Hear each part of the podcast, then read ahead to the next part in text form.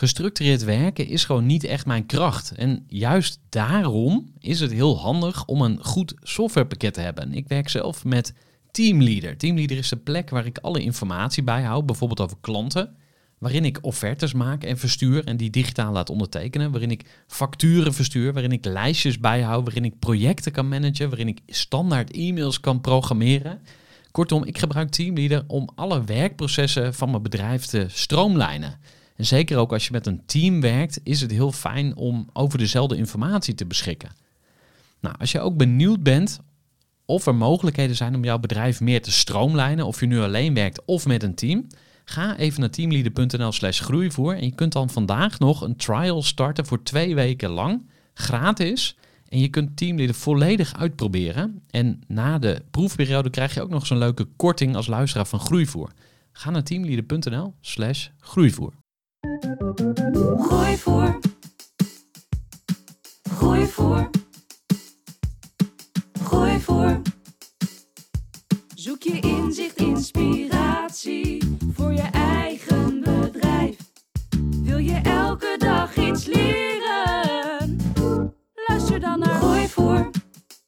Van harte welkom bij weer een nieuwe aflevering van de Groeivoer podcast. Ik sta hier met Ella Timmers, oprichter-eigenaar van Elastiek uit eh, Amsterdam. Maar ze werken in meerdere landen, daar gaan we straks alles over horen. En eh, ja, ik zou zeggen, ga lekker achterover zitten of loop lekker door met deze podcast en luister naar het verhaal van Ella Timmers van Elastiek. Voor de kennis en ideeën van een interessante gast. Die haar verhaal met jou wil delen. Luister je naar Groeivoer. Ja, Ella, van harte welkom bij de podcast. Ja, dankjewel. Echt superleuk om hier te, te zijn. Ja, dank voor je komst uit het grote Amsterdam naar het eh, nederige Utrecht.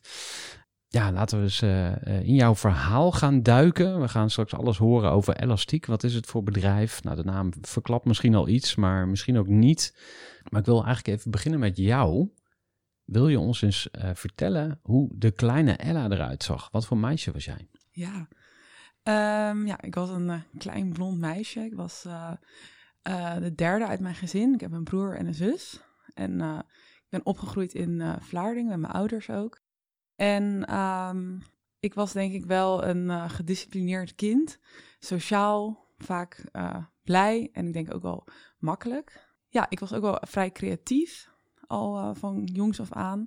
Dat heb ik denk ik meegekregen van mijn oma en ook wel van mijn moeder. Ik vond het altijd al heel leuk om eh, kleding te maken op mijn eigen naaimachine. Dat heeft mijn moeder mij geleerd. En eh, ja, daar was ik eigenlijk als kind al wel mee bezig. Wat is je beste herinnering uit je jeugd? ik vond het altijd super leuk om naar de camping op, in Spanje te gaan.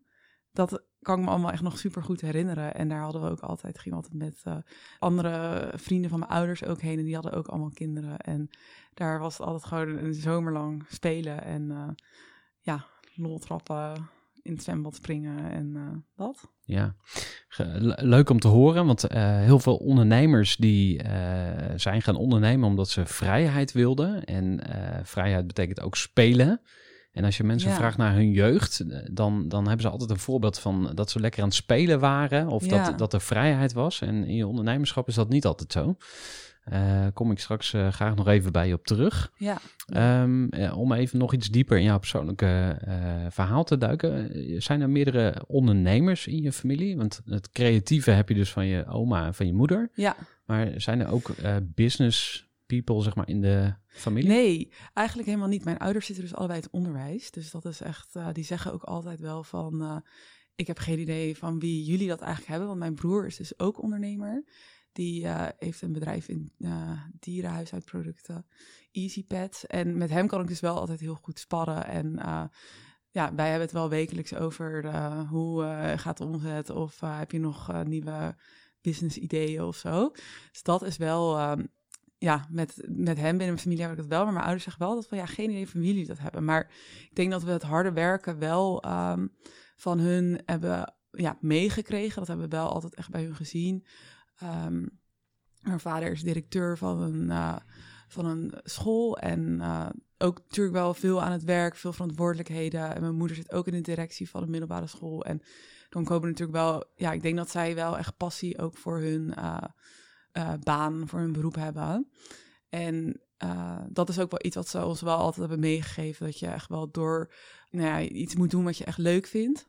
Ik heb bijvoorbeeld uh, zelf altijd VWO gedaan, middelbare school, hele leuke tijd gehad. En toen was het natuurlijk aan het einde van zes VWO van wat voor op, vervolgopleiding ga je doen. En ik was dus altijd al best wel veel bezig met kleding maken. Ik had ook voor mijn profielwerkstuk een kledingcollectie gemaakt. Was ja, vond ik heel leuk om te noemen dat het wat praktischer was. En ook wel natuurlijk een onderzoekje naar moeten doen. Maar dan had ik een uh, modeshow georganiseerd. En ja, meiden uit mijn klas liepen dat dan in mijn kleding. Dus dat was echt een hele, vond ik al heel leuk. En um, ja, toen was het van, oké, of ik ga nu naar de universiteit, een bedrijfskundige opleiding doen ja, die richting op. Of uh, ik kan naar het AMFI gaan, het Amsterdam Fashion Instituut, en daar de opleiding Fashion en Management volgen. En, maar dat was dus een HBO-opleiding. En daardoor uh, werd ik heel veel ja, in mijn omgeving best wel getriggerd van... ja, ga ik dan na mijn VWO een HBO-opleiding doen... of ga ik na mijn uh, VWO wel gewoon een universitaire opleiding doen... wat eigenlijk de normale weg is. Toen ja, het, zat ik daar wel echt over in dubio eigenlijk. Maar toen weet ik ook nog heel goed dat mijn moeder eigenlijk echt zei van... ja, je moet echt doen wat je bij je past. En volgens mij past het gewoon heel goed erbij. je kan altijd later nog ook een master doen. Dat heb ik dus uiteindelijk ook gedaan als nog een bedrijfskundige master. Dus je hebt eigenlijk allebei gedaan uiteindelijk? Eigenlijk uiteindelijk allebei. Ik had dat, ja, toen ik dacht ik ga Amfi doen ik weet dat ik wel alsnog ook uh, universiteit aan kan. En misschien ook wel een beetje bewijsdrang van ik wil mhm. dat dan ook uiteindelijk ook doen. Maar uh, ja, uiteindelijk allebei gedaan. Wat een, echt een hele goede combinatie is geweest. ik heb dan digital marketing gedaan. En uh, voor mijn bedrijf ook nu is eigenlijk de combinatie van fashion en digital marketing ja, top. Ja, heel, heel interessant. Ik, ik vond ook een hele uh, goede cliffhanger van ja, wat zal het geworden zijn? Ja. Heb, je, heb je toch voor je passie mogen kiezen of uh, nou, wel, werd je eigenlijk gestuurd naar, uh, naar een andere richting. Maar je hebt dus uh, voor die HBO-opleiding gekozen. Ja. wat ik heel mooi vind, ook in, in het verhaal wat daarvoor zat, hè, van als, als kind ben je jezelf en maak je plezier. Ja. En dan op school leer je dat het eigenlijk niet mag en je moet doelen halen en het hoogst haalbare, waardoor je eigenlijk minder jezelf wordt. Het is jou gelukt om toch die, ja, de juiste keuze tussen aanhalingstekens te maken en voor fashion te gaan. Ja. je bent naast je studie begonnen elastiek. Neem ons eens mee in die uh, beginperiode, de early days van elastiek. Ja. ja, dat is dus nu uh, vier jaar geleden ongeveer. Ik was toen 22 jaar en uh, ik was aan het afstuderen op het Amfi. En ik had eigenlijk tijdens, voor mijn afstudeerproject had ik al echt zoiets van, ik wil eigenlijk voor mijn afstuderen een soort gat in de markt vinden. Nou, dat lukte op dat moment niet. Ik denk ook omdat ik toen te gefocust bezig was van ik wil iets vinden. En uh, ik had ook wel vaker, uh, uh, een, ik had een minor ondernemerschap gedaan en dat was ook allemaal wel goed voor de ervaring, maar uiteindelijk niks uitgekomen.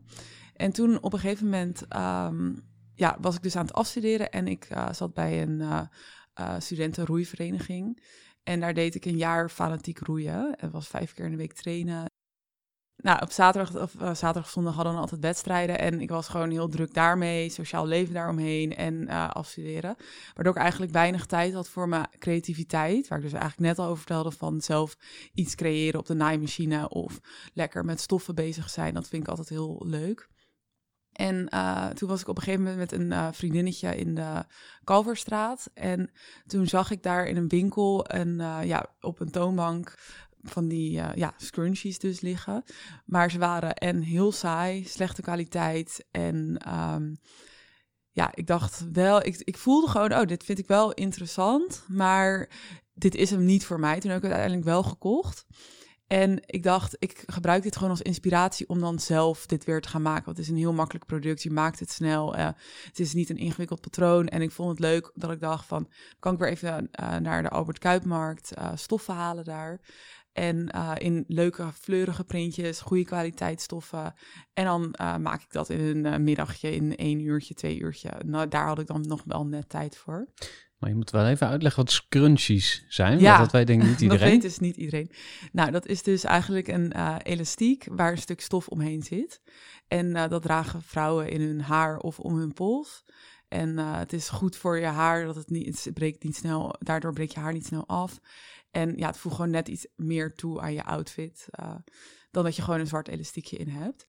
En in de jaren negentig was het ook al echt een... eh, eh, ja, bijvoorbeeld mijn moeder die kent het ook wel van vroeger. Vroeger droeg, eh, droeg ze het dus ook.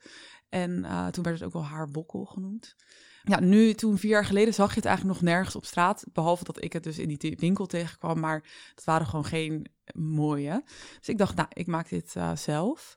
En ehm, toen ik er, ik had er een stuk of vijf gemaakt. En ik had ze dus, omdat ik dus bij Neerhuis roeide. En het was dus Bordeaux-rood waren de, is de kleur van Neerhuis. eh, had ik ze dus in Bordeaux-rood met witte stippen gemaakt. Zodat ik dan met mijn roeiploeg die allemaal kon dragen tijdens de wedstrijd. Als een soort van geluksitem, zeg maar. En ehm, nou, toen vond iedereen het heel leuk. En eh, vonden vriendinnen van mijn vriendinnen het ook allemaal heel leuk. En vroegen ze eigenlijk van, wil je er voor mij ook een maken? En eh, rolde het eigenlijk als een soort van olievlek... zo een beetje door mijn vriendenkring en door de kringen van hun...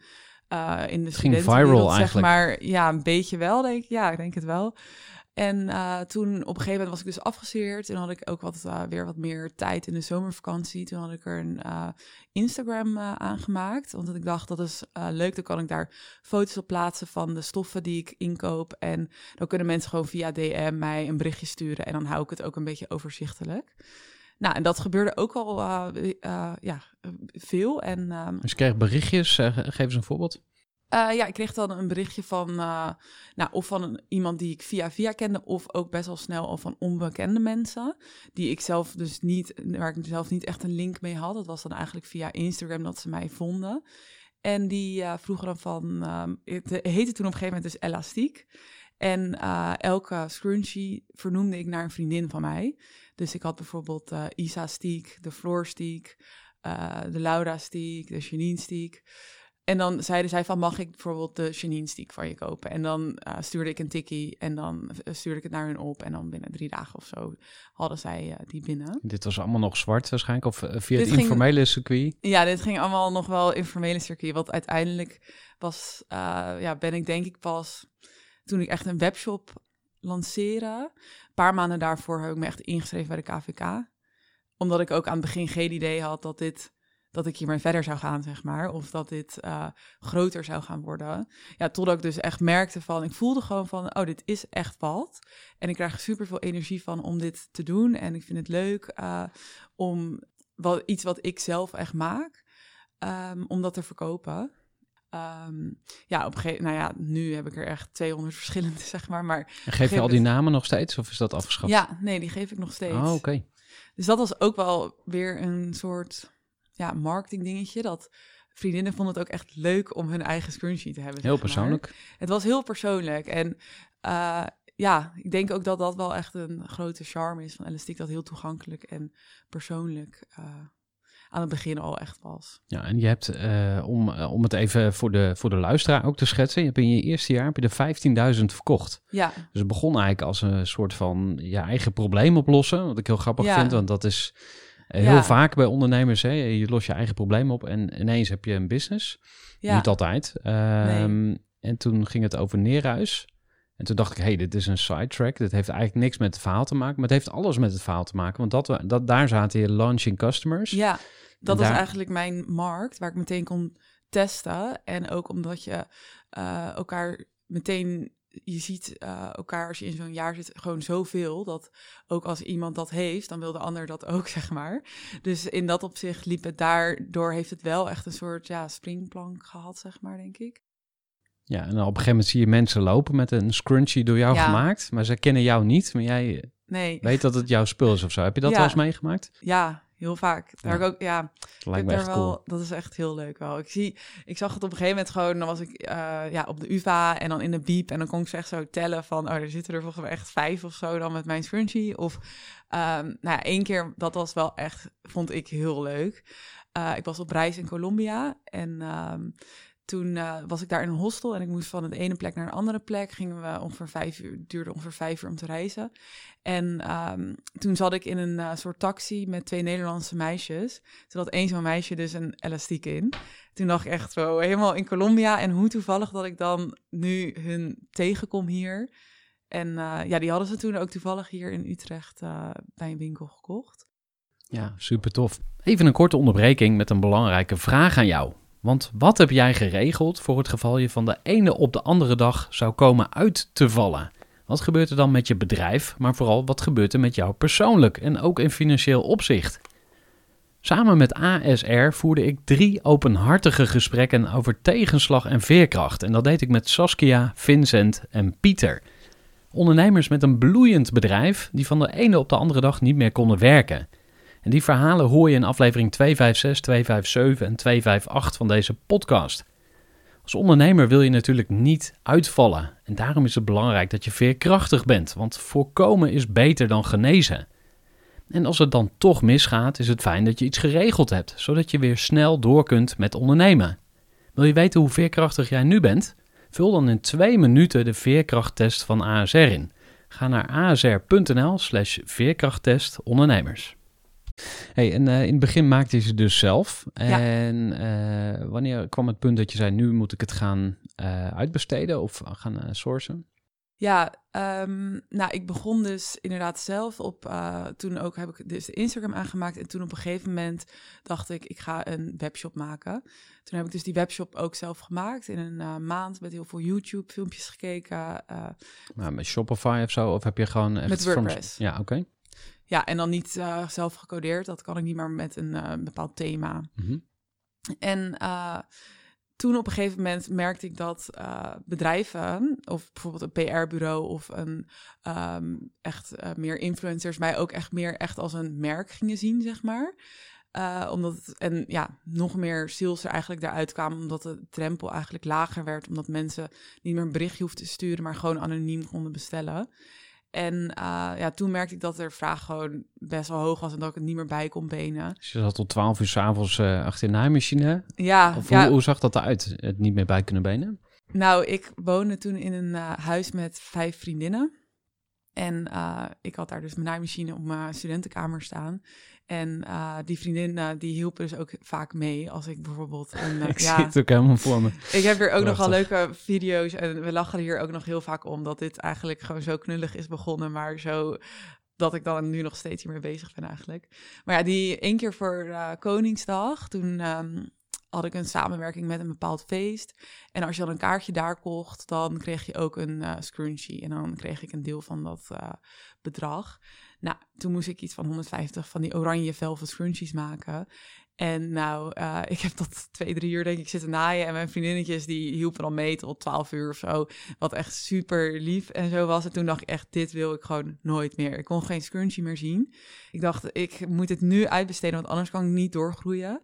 En dat is wel echt wat ik wil. Ik voelde gewoon dat dit gewoon echt nog veel groter kon gaan worden. En um, ja, toen ben ik eigenlijk op mijn uh, fietsje naar verschillende ateliers in Amsterdam uh, gegaan, in um, West. En um, ja, toen heb ik er eigenlijk drie bezocht. En met eentje had ik wel echt een goede klik. En uh, die bood ook gewoon een goede prijs. En die wilde mij echt heel graag helpen.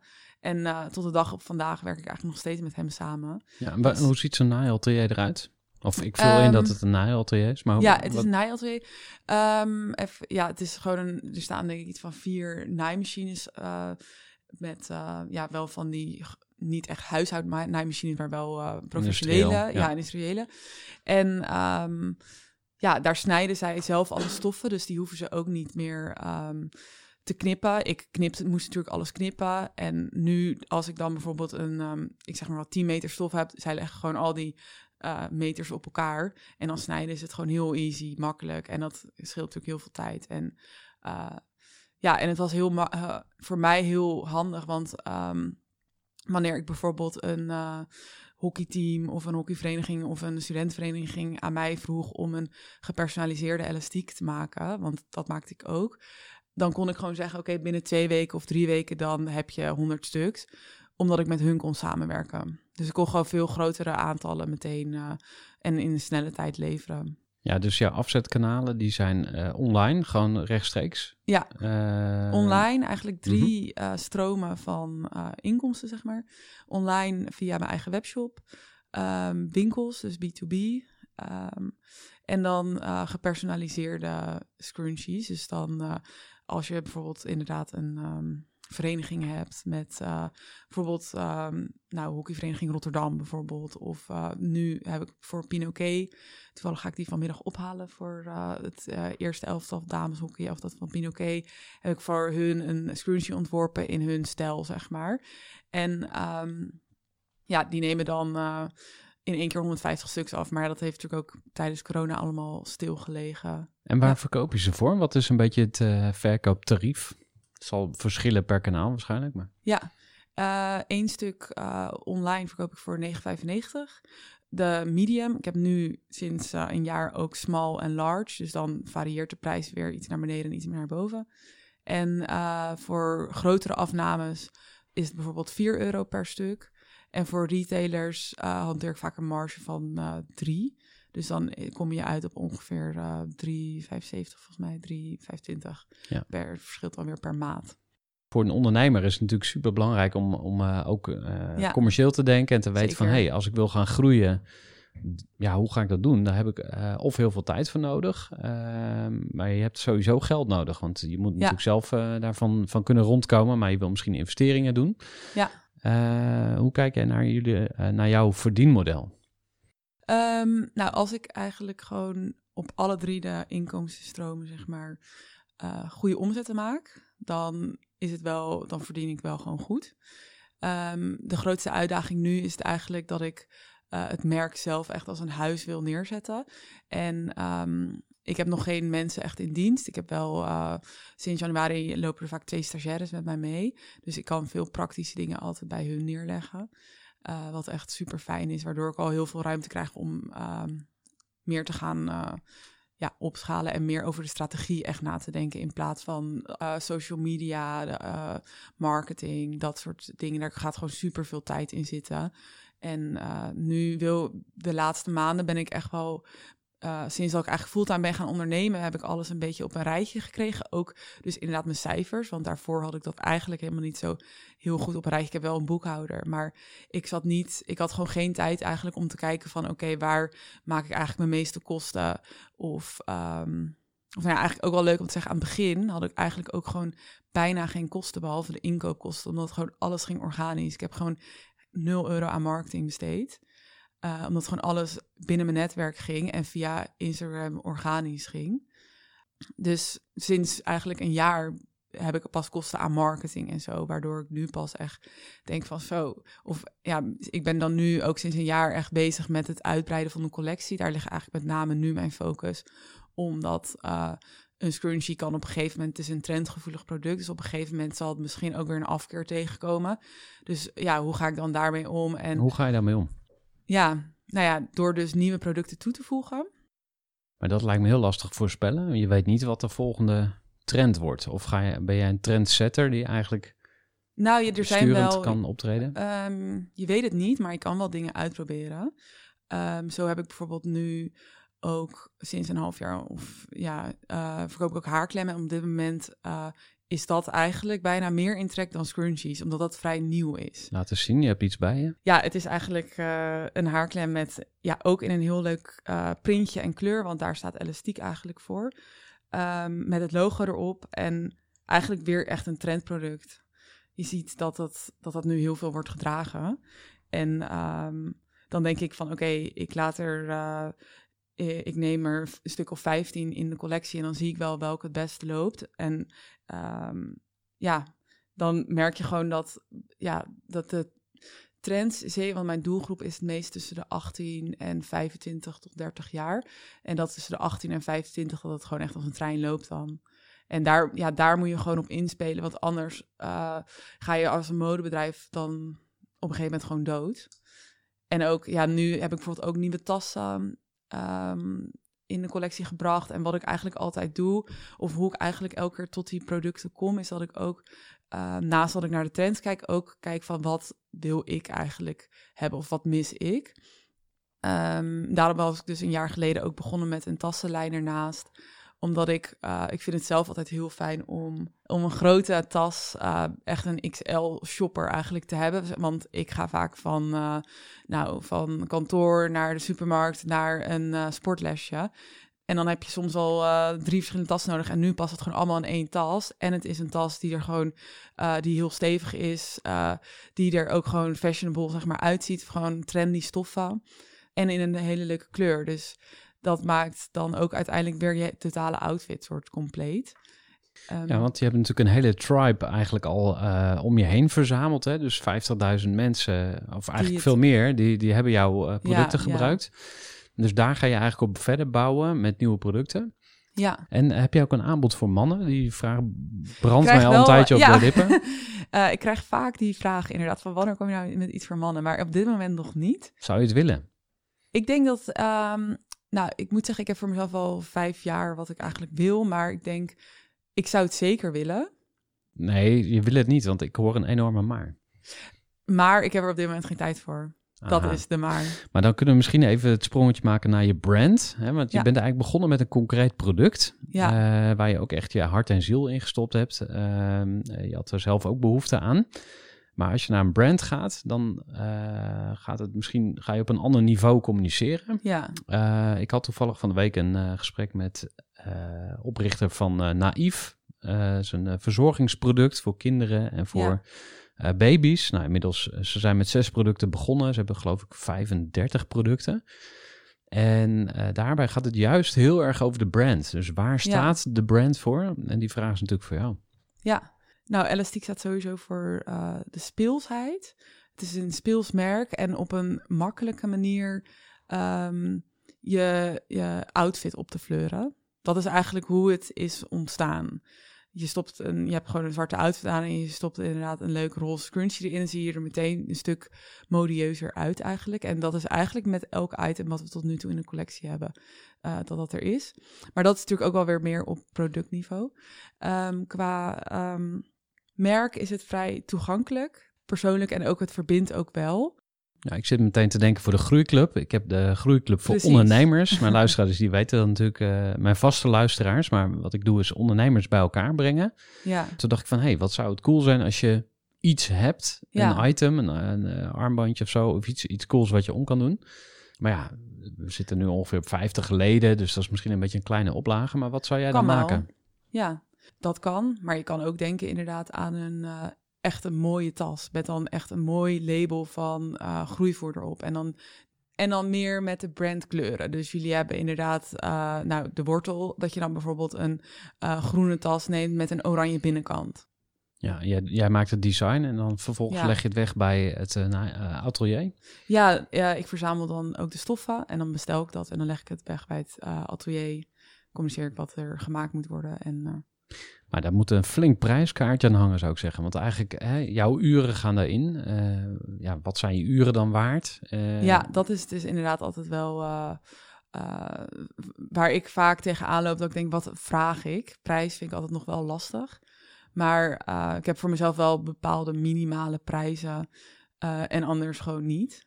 En dat doe ik eigenlijk dus sinds een jaar, sinds dat ik het fulltime doe. Omdat ik daar sinds tien eigenlijk ook echt ja, wel serieuzer naar mijn business ben gaan kijken. En dat er ook echt gewoon geld verdiend moet worden. Dat deed, deed het daarvoor ook wel al. Maar inderdaad dat ik wel een soort minimaal uurloon uh, heb. Ja, wat ik sowieso heel interessant vind aan jou, uh, meerdere dingen. Maar uh, er zijn ontzettend veel makers in Nederland. Ja. En uh, die maken super mooie dingen, maar die blijven altijd klein of die blijven altijd kneuteren. En ja, kneuteren is weer zo oordelend, zo bedoel ik het natuurlijk niet. Maar um, ja, jij combineert het met een zakelijkheid en met een bepaalde uh, mindset of een, een, manier van denken uh, uh, om, om groter te kunnen worden. En je bent dus ook bereid om zelf te veranderen. Dus om nieuwe skills te leren, om dingen aan te ja. passen in je bedrijf. Is er, ja. is er iets waar je over getwijfeld hebt dat je dacht van, ja... Um... Nou, ik heb überhaupt getwijfeld of ik fulltime ging ondernemen voor elastiek. Omdat dat eigenlijk ook puur omdat uh, na de universiteit gaat iedereen überhaupt um, een baan zoeken. Dus dat was eigenlijk ook een beetje, ja, ik dacht van, wat ga ik dan doen? Ook een baan zoeken, denk ik. En ik dacht van, nou, dan kan ik daarnaast niet ook gaan ondernemen. Maar uh, toen heb ik gewoon bedacht, eigenlijk ook weer een beetje eigenzinnig bedacht van, ja, maar ik vind het ook te zonde om dit te laten liggen. Want ik voel gewoon dat er nog heel veel potentie in zit. En ik kan hier gewoon het merk van maken wa- waarvan ik eigenlijk altijd al droomde. Ik droom er altijd al van om een eigen kledingmerk, kledingmerk te hebben dus. Daar gaan we al een best stukje naar de toekomst. Oh, wacht. Ja, dat had ik inderdaad ook als vraag, maar vertel. Ja. En toen dacht ik van, nou weet je, ik probeer het gewoon een half jaar. En als ik het niks vind, dan eh, ga ik gewoon alsnog een fulltime baan zoeken. Nou, en toen na een paar maanden, ehm, eigenlijk doordat ik ook bij een coworkspace eh, eh, ben gaan zitten, waar ik heel veel andere ondernemers heb ontmoet die echt ook al heel veel langer ondernemen, kwam ik pas in echte ondernemersbubbel, zeg maar.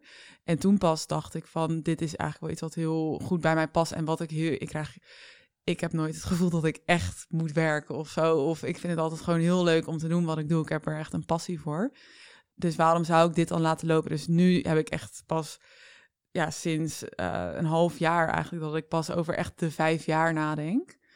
Ehm, Ja, laten we die sprong maar maken. Ja. Waar sta je dan over vijf jaar? ja, dan eh, is er een heel groot eh, elastiek of een eh, Ella Imperium.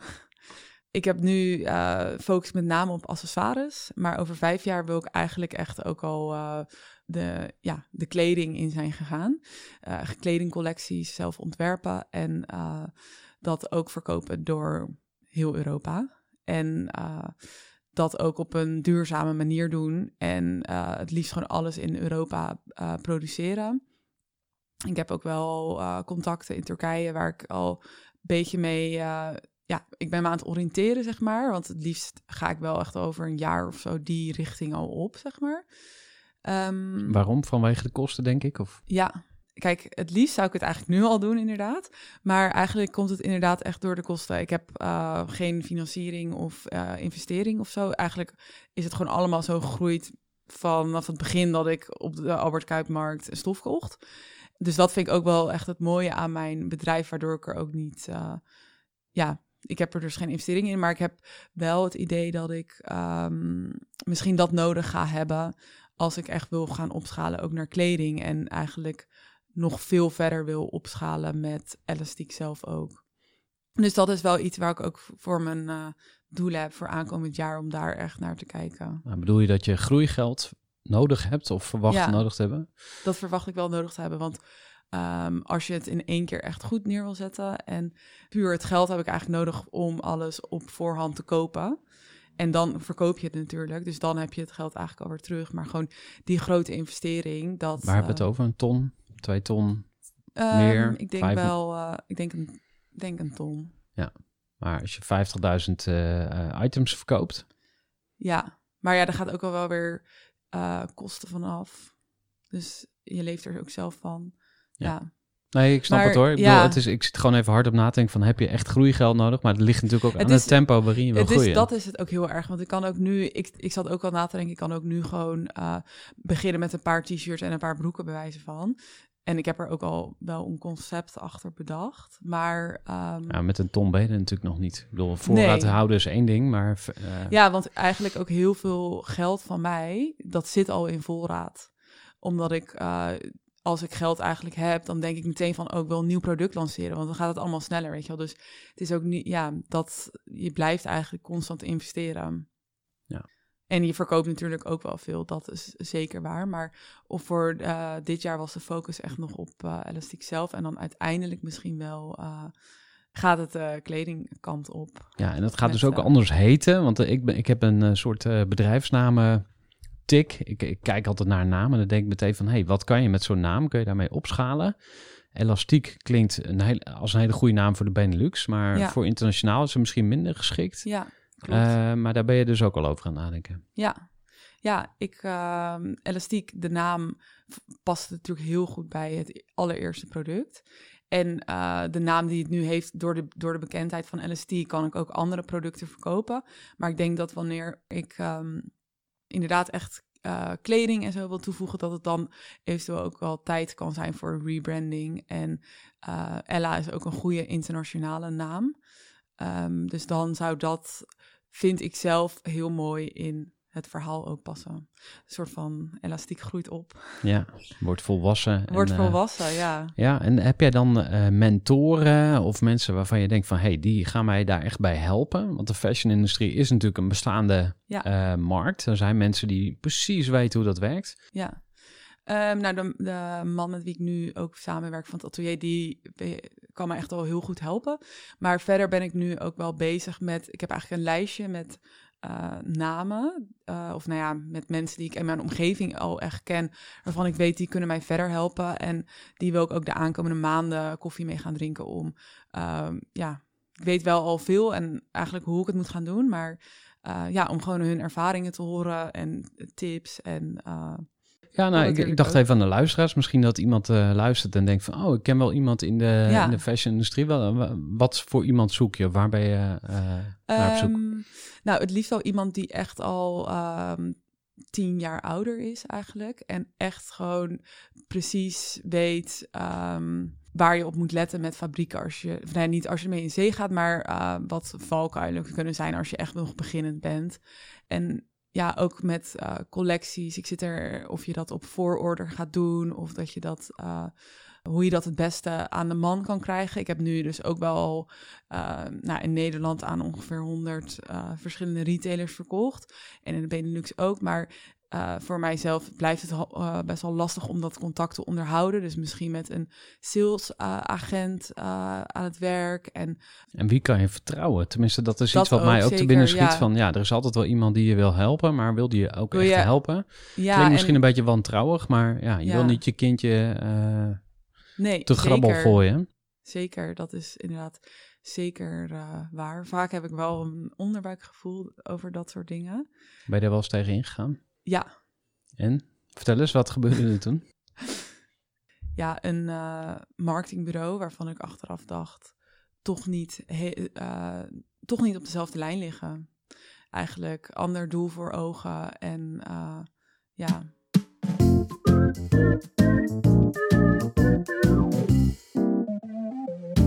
Ella wordt dan toch geen merk waar ook mannen welkom zijn, ben ik bang. Nee, eh, dat denk ik niet. Ella is wel een vrij vrouwelijke naam, dus ik denk niet dat dat zou passen. Ik heb wel ooit het idee gehad dat mijn broer heet Vince. En dat vind ik zelf ook een hele leuke internationale naam. Ella en Vince. En hij is ook ondernemer, dus ik heb Ja. ooit zo... Nou ja, als ik echt... Ja, dat lijkt me echt wel leuk. En wat dacht je van pet fashion? Kunnen we ook nog induiken. Kan ook nog, ja. maar misschien is het juist wel ijzersterk om, om heel duidelijk te focussen. Eh, ik heb eh, eh, Ja. vrij recent besloten om me met de Groeiclub voor Ondernemers echt te gaan richten op ondernemers met een team. Ja, En ik voel nu al dat dat een goede beslissing is. Want Ja. daarvoor was ik iedere keer aan het schipperen van ja, ik wil eigenlijk ook ZZP'ers wil ik eigenlijk ook wel helpen, maar ondernemers met een team ook. Maar mensen Ja. weten niet meer waar je voor bent. Nee, dus dat, dat is, is- juist heel belangrijk. Van ik ben er voor die groep. En voor andere groepen zijn er weer andere merken. ja. Ja, dat, daar, dat, daar ben ik het helemaal mee eens. Ik vind het ook juist eh, voor mezelf ook heel fijn om te focussen. Ehm, als je zelf ook niet goed weet wat je bent, dan is het ook al lastig om dat te vertalen. Dus daarom, ik hou gewoon van heel erg makkelijk. En dat is ook eh, wat elastiek al best wel is. Het is gewoon, ik heb vijf producten en die voer ik uit in eh, twintig verschillende stoffen. Maar het is eigenlijk allemaal super makkelijk. Dus dat is eigenlijk wel wat, eh, wat ik zeker ook in mijn, eh, ja, in mijn carrière wil houden. Dat wat ik onderneem, dat het gewoon makkelijk is. En dan begrijpen mensen het ook. En dan eh, gaan ze het ook sneller ehm, op kopen over. En vinden ze denk ik een leuker bijpassend merk. Ja, ik wil even stilstaan bij jouw persoonlijke ontwikkeling als ondernemer. Ja. Want je bent heel creatief. En ik vertelde net al van, hey, ik, ik zie heel veel creatieve mensen die niet per se goede ondernemers zijn. Jij combineert die twee dingen. Ja. Wat is volgens jou een goede ondernemer? Um, ik denk toch wel uh, ja, het commerciële met het creatieve combineren. Dat je wel als je dingen creëert, dat je ook wel al meteen in kan schatten of dit commercieel haalbaar is. Dus ik denk dat een goede ondernemer wel uh, um, ja, die, de, de combinatie moet hebben van uh, uh, iets unieks kunnen creëren, wat er nog niet is, en het goed kunnen aanvoelen van of dit ook echt uh, aanslaat bij mensen. Dus ook het marktonderzoek. Ik heb altijd dat wanneer ik met een nieuw product kom, dan test ik het eerst bij mijn vriendinnen uit. En dan zie ik eigenlijk al in hun ogen of ze het echt wat vinden of niet. En of ze het echt zouden kopen of niet. Want vaak is het dan al dat ik een item ook voor hun moet reserveren, zeg maar, als voororder soort. Dan ehm, weet ik wel van, oh, dit zal wel ook bij meer mensen gaan aanslaan. Dus dan heb je al meteen een beetje een stukje marktonderzoek gedaan. En ja, en het commercieel, ja, bekeken of het commercieel ehm, ja, goed zal zijn. Ik ga jou uiteraard volgen. En Ja, eh, luisteraars leuk. waarschijnlijk ook. Ik wil je sowieso uitnodigen om een keer eh, aan te schuiven bij een eh, diner van Ja. de Groeiclub.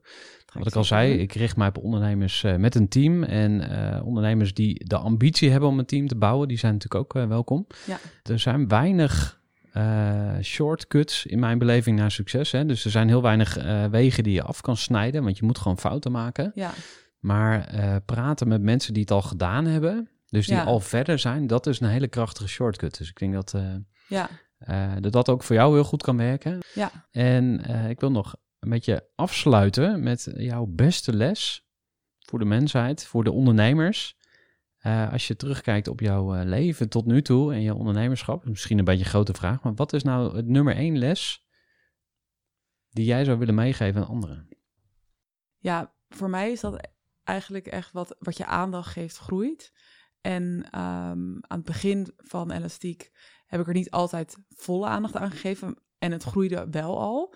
eh, organisch eigenlijk. En ik denk dan altijd vaak, oh, als ik dan echt volle focus had gehad, wat dan, weet je wel? Maar dat was het moment toen nog gewoon niet. En nu sinds een jaar dat ik echt fulltime eh, alle aandacht erop heb, ben ik gewoon veel meer bezig met kei- strategisch kijken van wat, eh, welke samenwerking doe ik niet, wat doe ik wel. En zie ik ook dat het gewoon super, ja, enorm aan het groeien is. Dus echt eh, ja, de, de focus daarop houden. En ehm, ja, Dank voor deze mooie les. Ja, het zijn er altijd meerdere. Hè? Als mensen mij zouden Ja. vragen, wat is je beste advies voor de mensheid? Ja, eh, ik roep het eerste wat in me opkomt. Dat is meestal wat op dat moment op Ja. top of mind is. Eh, maar ik vond dit een hele mooie. Wat je aandacht geeft, groeit. En misschien nog even als bonus. Want jij zei ook van welke samenwerking je niet doet. Ja, En die is ook cruciaal, want ik zie heel veel ondernemers en eh, vaak is succes een kwestie van eh, dingen niet doen of, of stoppen ergens mee Ja. en kiezen. Hoe pak jij dat aan? Ehm, nou, op dit moment denk ik wel veel strategischer na van met welke winkels ga ik bijvoorbeeld wel samenwerken, met welke bekende Nederlanders wel samenwerken, zodat die echt wat toevoegen aan je branding natuurlijk. Ehm, dus dat op dit moment heel, zijn dat de grootste samenwerkingen die ik doe, of met welke andere merken ga je in samenwerking aan? Eh, dat vind ik altijd wel echt interessant. En voorheen deed ik dat minder. Ik heb bijvoorbeeld met eh, ook mijn producten bij Ethos verkocht. Of, eh, een jaar geleden, vorige zomer, iets langer dan een jaar geleden, werden alle elastieken verkocht door ehm 300, ja, alle Ethos winkels, eh, volgens mij 350 winkels of zo. Ik had daar wel echt over getwijfeld. Want wil ik een merk zijn die in de ethos ligt of niet? Misschien te toegankelijk of zo? Of, ja, of is dat juist goed? Hoe kijk je erop Wel terug? weer heel toegankelijk, maar ik wil ook wel meer een, ehm, ja, een, fa- een fashion Iets lifestyle. exclusiever Iets of zo? exclusiever, Eerder ja. rituals dan... Precies, ja. En ehm nou, een winkel waar ik bijvoorbeeld ook eh, lig, is het dan de BR Labels. En dat is wel echt meer de winkel waar eh, elastiek echt goed bij past. En waar ik ook echt de toekomst meer in zie. En ehm, ja, ik heb echt zeker geen spijt dat ik met Ethos in zee ben gegaan. Want dat was een super waardevolle ervaring. En eh, nou, eh, ook goede omzet meegemaakt natuurlijk. Dus het was echt... eh, ja, tof. Maar voor de volgende keer zou ik dan, als ik nu zou ik dan denken van oké, misschien eerder een Easy Paris. Wij gaan nog even nakletsen. Ja. Ehm, Ella Timmers, onwijs bedankt. En we gaan nog veel van je horen. Tot zover deze aflevering van de Groeivoer podcast. Eh, vond je dit inspirerend? Vond je het waardevol? Stuur deze aflevering dan door naar iemand in je netwerk. Als jij ondernemer bent en je hebt een team of je hebt een hele serieuze ambitie om een team te gaan bouwen, kom een keer mee eten bij de Groeiclub voor Ondernemers. We zijn een mastermind groep. Het is niet gratis. Het kost geld om lid te zijn van de Groeiclub. Maar je kan wel deelnemen op een eh, gastenticket. En eh, ja, we komen zoals gezegd elke maand bij elkaar. Eh, ben je getriggerd? Stuur even een berichtje. En eh, dat kan gewoon via LinkedIn. Mijn naam is Gerhard Tevelde. En als we nou nog helemaal niet gelinkt zijn, voeg me dan ook gewoon even toe. Gerhard te Velde uh, en ik accepteer jouw verzoek met plezier. Tot zo voor deze aflevering en graag tot een volgende keer.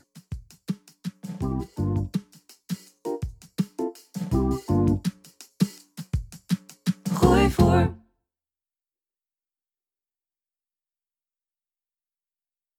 Gestructureerd werken is gewoon niet echt mijn kracht. En juist daarom is het heel handig om een goed softwarepakket te hebben. Ik werk zelf met Teamleader. Teamleader is de plek waar ik alle informatie bijhoud, bijvoorbeeld over klanten. Waarin ik offertes maak en verstuur en die digitaal laat ondertekenen. Waarin ik facturen verstuur, waarin ik lijstjes bijhoud, waarin ik projecten kan managen, waarin ik standaard e-mails kan programmeren. Kortom, ik gebruik Teamleader om alle werkprocessen van mijn bedrijf te stroomlijnen. En zeker ook als je met een team werkt, is het heel fijn om over dezelfde informatie te beschikken. Nou, als je ook benieuwd bent of er mogelijkheden zijn om jouw bedrijf meer te stroomlijnen, of je nu alleen werkt of met een team, ga even naar teamleader.nl slash groeivoer en je kunt dan vandaag nog een trial starten voor twee weken lang, gratis. En je kunt Teamleader volledig uitproberen. En na de proefperiode krijg je ook nog zo'n leuke korting als luisteraar van Groeivoer. Ga naar teamleader.nl slash groeivoer.